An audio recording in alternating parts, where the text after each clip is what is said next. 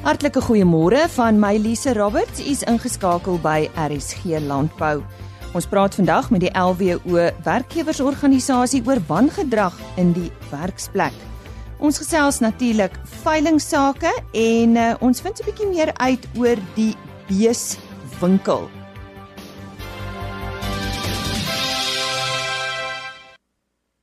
Eers dan die woord vir oggend, Henny Maas. Hier is nou nuus oor 'n paar veilinge wat in die volgende paar dae plaasvind.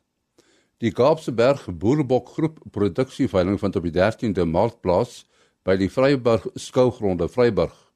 30 stoet en 'n kudde ramme, 40 stoet en kudde oeye en 40 kommersiële oeye word opgeveil deur Noord-Kaap Lewende Hawe. Teens visser is die afslaer. Die konsortium Merino Vrystaat veiling vind op die 13de Maart plaas by Donkerpoort Gariepdam. 120 ramme en 1400 oeye word opgevuil deur GWK.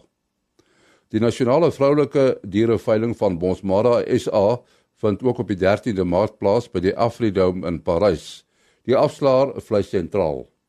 Tot sover dan veiling nuus. 8085.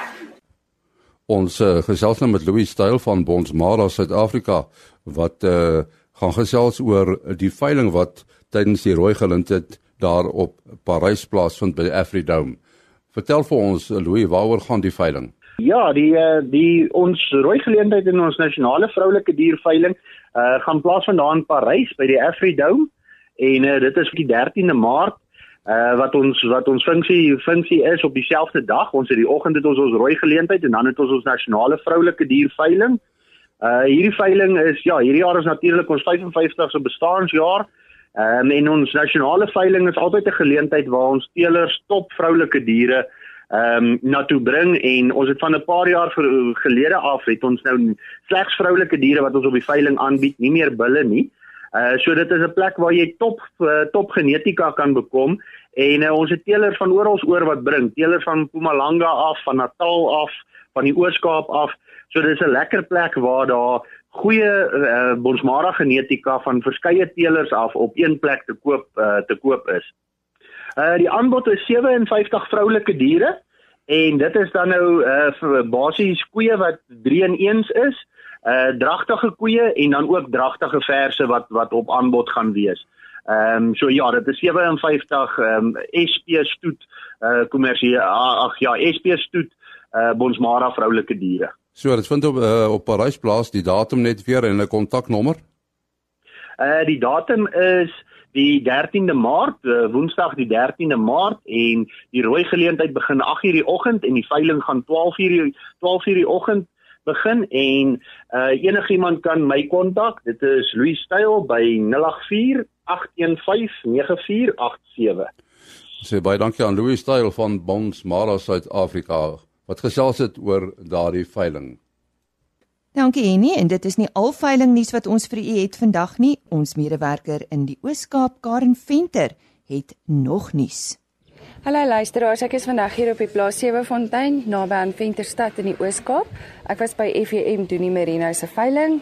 Hulle jaarlikse produksieveiling het baie goed verloop. Ek gesels 'n bietjie hier met die eienaar Andries Marx en hy wil so 'n bietjie uh, terugvoering daaroor gee. Hallo ja, baie dankie. Uh ons het 'n baie suksesvolle veiling gehad. Hier is net so bietjie meer as 600 oeye verkoop vandag en hier is net so bietjie meer as 99 ramme verkoop. Ons het alles is verkoop en ons is baie tevrede.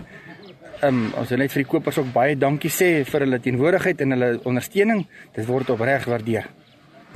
Ja, die jaar se reën is 'n bietjie aan die skraalkant. Uh baie mense het baie reën gehad en baie mense het min reën gehad ons hoop regtig hier kan 'n bietjie opvolgreën val in Maart maand en dit sal dit sal die die, produksie in die in die in die winter bietjie vir ons baie help as dit nou nog reën. Andries en waar kan luisteraars jou kontak as hulle 'n bietjie meer van FEM doen die Marina is te weet wil kom? Ja, hulle kan my kontak. My nommer is 0834510969 en oor enigiets kan hulle my kontak. Dankie. Dit was aan Karen Venter wat daar met Andries Marx gesels het oor die FEM Donne Merino veiling wat onlangs daar in Venterstad in die Oos-Kaap plaasgevind het. Enige werkgewer sal vir jou sê om arbeidsverhoudinge in die werksplek te bestuur is uitdagend. En daarmee saamstel arbeidswetgewing natuurlik streng vereistes waaraan werkgewers moet voldoen.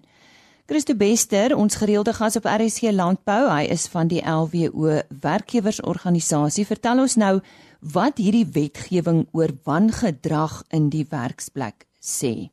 Christo, daar's verskillende tipes wangedrag in die werksplek, maar daar is 3 algemene oortredings wat uitgesonder kan word. Wat is hulle? Wangedrag wat die meeste plaasvind in die werksplek is afwesigheid van diens.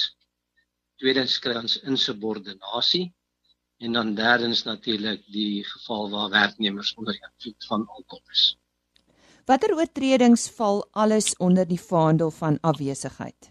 Dis 'n behalwe vir die normale afwesigheid van diens waar 'n werknemer nie opdaag vir sy normale werksdag nie, sluit afwesigheid ook in wanneer 'n werknemer byvoorbeeld laat kom, as hy nie normale ure begin werk nie, of ook as hy vroeg loop en nie wag tot sluitingstyd nie, ook as hy verlengde teetye of etenstye vat wat nie gemagtig is nie dan as hulle ook byvoorbeeld 'n uh, siekte fyns is kan ook wees dat dit 'n uh, afwesigheid is en dan ook waar 'n werknemer sy pos of sy werkstasie verlaat sonder dat enigiemand weet waar hy is.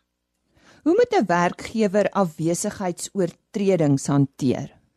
Ek dink die belangrikste is is dat kommunikasie is die belangrikste hulpmiddel tot 'n werkgewer se beskikking. Die afwesigheid moet met die werknemer bespreek word tydens 'n konsultasie en my voorstel is dat wat wat daar gesê word neergeskryf word. Versoek dan natuurlik vir die werknemer dat hy moet 'n bewys lewer dat sy afwesigheid regverdig is. Die werknemer mag egter geldige redes aanvoer vir sy afwesigheid, maar dit gaan nie altyd beteken dat daar nie dissiplinêre stappe geneem kan word nie want daar kan moontlike ander oortredings wees byvoorbeeld soos as daar 'n beleid in plek is wat die werknemer verplig om die werkgewer in kennis te stel van sy afwesigheid en hy dit nie gedoen het nie. Christo wat behels insubordinasie? Ek sê ja, insubordinasie is 'n moeilike woord, maar op die einde van die dag is daar verskeie forme van gedrag wat dit kan insluit. Ek kan 'n paar voorbeelde noem. Dit is onder andere die die moedswillige verontagsaming van instruksies van 'n werkgewer, die weiering om 'n wettige of 'n redelike instruksie uit te voer of nie die werksplek se reëls, beleide en vasgestelde werkswyse na te kom nie en dan ook disrespekvolle gedrag en parmantigheid of beledigende taal teenoor 'n werkgewer kan alles onder die vaandel van insubordinasie gaan. En uh, wat stel jy voor hoe moet 'n werkgewer dit dan hanteer? My voorstel is dat die voorval altyd eers ondersoek moet word om te bepaal of die werknemer se gedrag werklik neerkom op insubordinasie. Aangesien insubordinasie 'n baie ernstige oortreding is, daar moet weer eens met die werknemer gekonsulteer word om vas te stel wat moontlik aanleiding gegee het tot hierdie gedrag en of dit natuurlik moetswillig was en of dit dalk nalatig was. Dit moet is belangrik om die werknemer die geleentheid te gee om enige addisionele inligting aan die werkgewer te verskaf. Dan nadat jy hierdie ondersoek gedoen het, sal die ernstigheid van die gedrag dan bepaal watter verdere stappe geneem moet word. Normaalweg is insubordinasie natuurlik 'n baie ernstige oortreding en sal 'n dissiplinêre verhoor geregverdig wees sou dit wel neerkom op insubordinasie. Christo, kom ons uh, uh, uh, gebruik die voorbeeld van alkohol. Hoekom is werknemers wat alkohol misbruik so groot risiko vir 'n besigheid?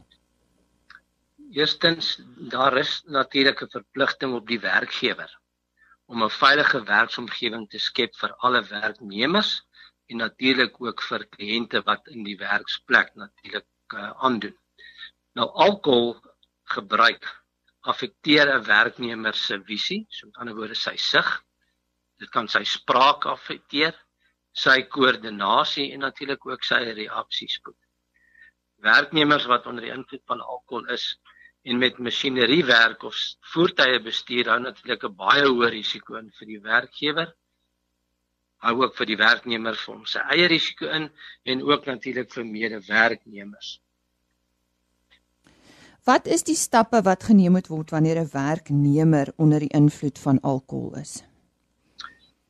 Weerens is belangrik dat 'n ondersoek gedoen word na die gedrag van die werknemer. Dis raadsaam om in gevalle van alkoholverwante oortredings altyd 'n getuie teenwoordig te hê tydens hierdie ondersoek, want daar is 'n verskil tussen iemand wat ruik na alkohol of iemand wat alkohol gebruik het of natuurlik iemand wat onder die invloed van alkohol is. Daar is verskillende vlakke. Dan jy moet regtig vasstel of die werknemer die invloed onder die invloed is. Die werknemer kan slegs onderwerp word aan 'n alkoholtoetsing indien dit so vervat is in 'n dienskontrak of daar 'n beleid in plek is waar die werknemer dan toestemming gegee het. Jy kan ook natuurlik die werknemer na 'n mediese praktisyn neem vir bloedtoetse om te bepaal wat sy alkoholvlak is. Ehm um, andersins saam met die getuie wat jy het, teken die werknemer se gedrag en voorkoms aan, stel dit op skrif en vra ook vir die getuies wat saam met jou is om seker te maak dat hulle hierdie waarnemings aanteken. Ehm um, dan ek dink die belangrikste is is dan stuur eerder die werknemer huis toe vir die dag sodat hy nie dan 'n risiko is vir die werkgewer of vir sy medewerknemers nie en natuurlik wanneer jy so 'n werknemer huis toe stuur sal dit dan wees sonder betaling. Ja, sê baie dankie aan Christo Bester. Hy is van die LWO werkgewersorganisasie en hy het ons meer vertel oor eh, wat die wetgewing sê oor wangedrag in die werksplek. Ons sluit nou weer aan by Henny Maas met nog nuus oor 'n veiling. En daarna het hy meer gaan uitvind oor die beeswinkel. Ons uh, gesels met Dr. Chris Nel en ons gaan met hom praat oor eh, 'n uh, Bovelder veiling. Wanneer van hierdie veiling plaas, Chris? Henny, ehm um, die veiling is môre. Ehm um, dis die 12de Maart, môre by Warden Veilingskrale. En wat is die aanbod? En hierdie aanbod bestaan uit 550 streng gekeurde bovelders. Ehm um, dit is 180 oop verse wat gereed is vir die bil. 150 3 in 1 verse en dan 110 dragtige koeie met kalvers, so met ander woorde 110 3 in 1 koeie. Al hierdie diere is streng gekeer. Al die dragtige diere is vir ehm um, besmetlike misgeboorte getoets. En ek meen al hierdie koeie wat aangebied word het nog nooit een keer in hulle lewe 'n jaar oorgeslaan dat hulle nie gekalf het nie. Vergeleke met vorige veilinge, uh hoe hoe, hoe vergelyk dit?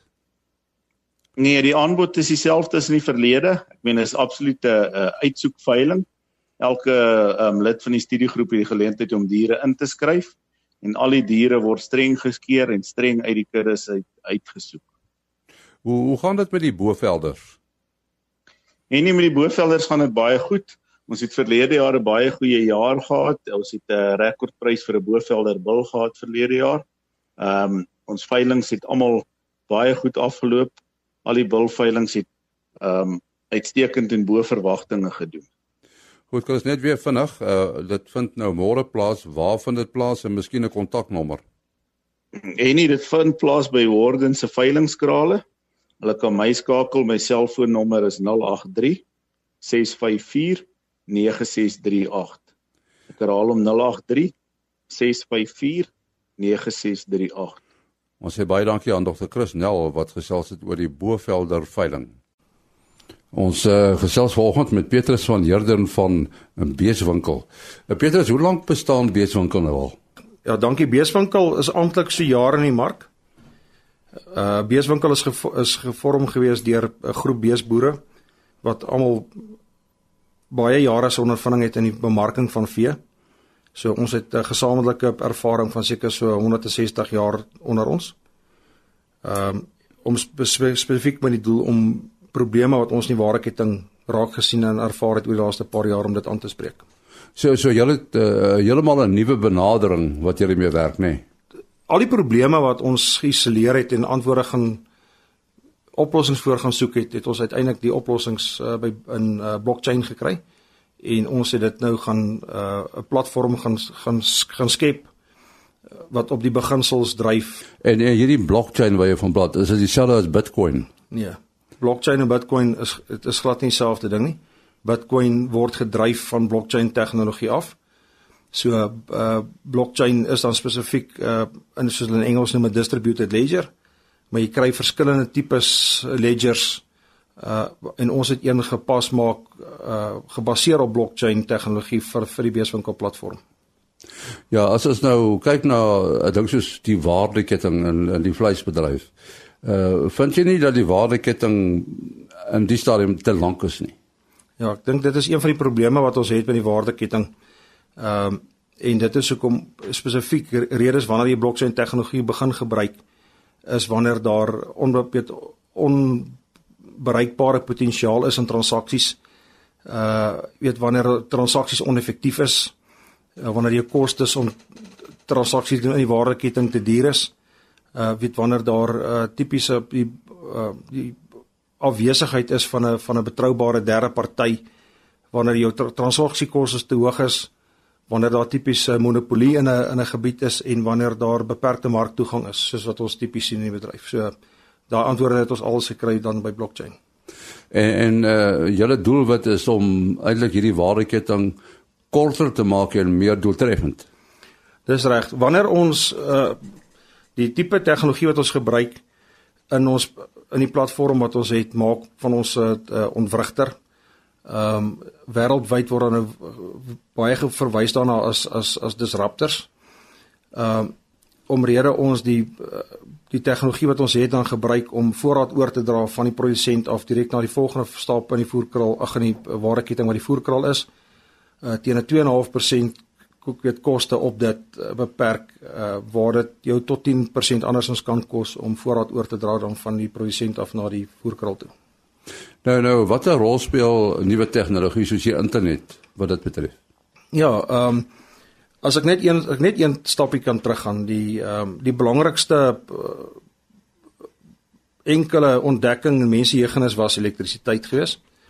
Uh so elektrisiteit het van ons re rekenaars gebring en internet. So as jy mooi dan dink as die uh, rekenaar dan net 'n applikasie van elektrisiteit. So op die internet bring dan vir ons nuwe applikasies of toepassings of apps dan en ehm um, waarvan Uber en Airbnb tipiese voorbeeld is. Ehm um, met die internet ek weet jou internet tegnologie bring dan vir jou uh, ook uh, Netflix wat uh, jy praat van disruption TV. Wat uh, betaal televisies uh, se toekoms totaal en al gaan vernietig. Hoe gaan gaan dit die die mark in 'n sekere mate in 'n spesifieke rigting druk? Ontwrigting ontwrigting is uh, uh, lê oral voor.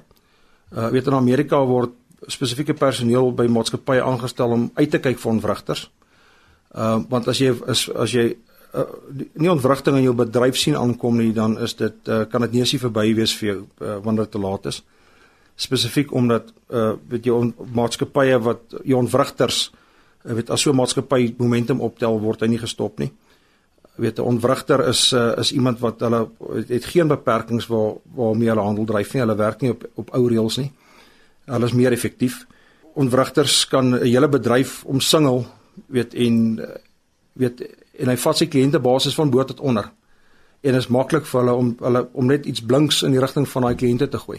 Jy weet uh, veral soos uh, soos uh, transaksiekostes waar ons in landbou op die stadium moet meer effektief raak. Ons kan net nie meer ons kan die uitgawes nie meer dra nie. Ons moet ons moet begin uh, uh, slimmer werk en goedkoper mm. transaksiekoste skryf ons. Nou Petrus, mense wat vanoggend luister, uh, hoekom sou jy vir hulle wil sê hulle moet van van julle platform gebruik maak? omrede ons pla ons platform die waardeketting baie korter en meer effektief maak.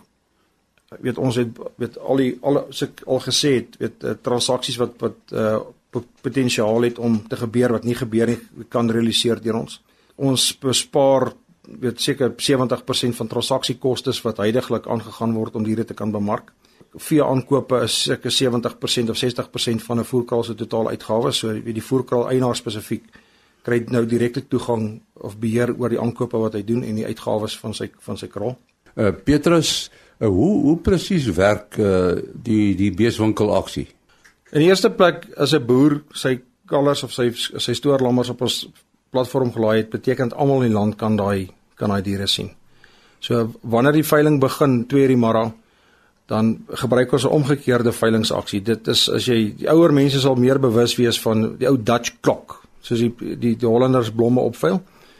Ons het hom elektronies so weet as uh, kom ons sê as ek met ligte speenkalertjies sit wat 200 kg weeg gaan sak dalk op op uh, R35 die bot begin en elke 10 sekondes sak die prys met 20 sent en die eerste persoon wat uh, op die koopknoppie druk word aangewys as die koper. Ehm um, 'n stelsel soos soos hierdie maak dit baie kopersvriendelik. Die koper weet onmiddellik of hy die lot gekry het of nie gekry het nie. Uh, weet en daar kan uh, geen vorm van van van inmenging in die vorm van 'n vals bot of uh, enigiets van so iets wees nie. Nou hierdie hierdie veiling is dan nou internet gebaseer. Ja, die veiling is op die veiling is op die internet.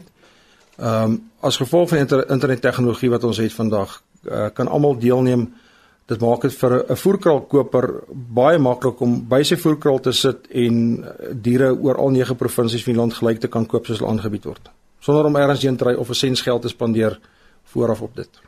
Miskien ten slotte die die webwerfadres as mense nou wil gaan kyk en miskien iets oor Facebook.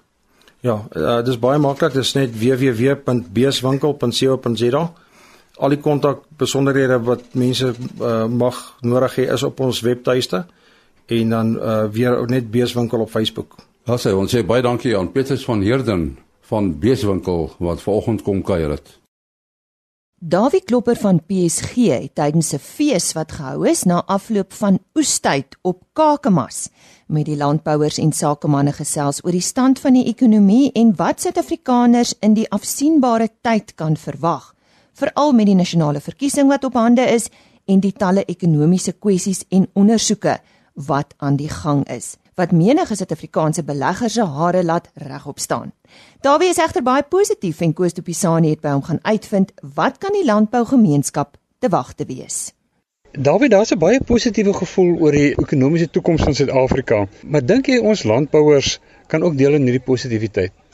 Ja, ek dink die positiwiteit um, is bietjie gerig op wat na die verkiesing gaan gebeur. Dalk nou in aanloop tot die verkiesing is dinge nog bietjie onseker. Maar ek dink in die positiwiteit wat kan kom na die verkiesing, ehm um, as daai ekonomie in groei kom en dit kan aan die gang kom as die uitslag reg is en jy weet die vertroue herstel in die land, dan kan almal daaraan deelneem. Want dan gaan daar werk vir almal wees, daar gaan geleenthede vir almal wees en gaan daar weet die landbouers gaan tipies meer produkte kan verkoop as daar mos mense is wat meer werk het en meer vraag na produkte het, gaan almal uiteindelik deel aan 'n herstel in die ekonomie. Ek sien veral hier in die Noord-Kaap, die boere is geneig om baie uit te uit te voer na uh, Europa toe. Hoe voel jy oor uh, Afrika? Is daar is daar spasie in Afrika vir vir ons boere om uit te voer? Ek dink Afrika gaan 'n bietjie na homself weer moet gaan kyk.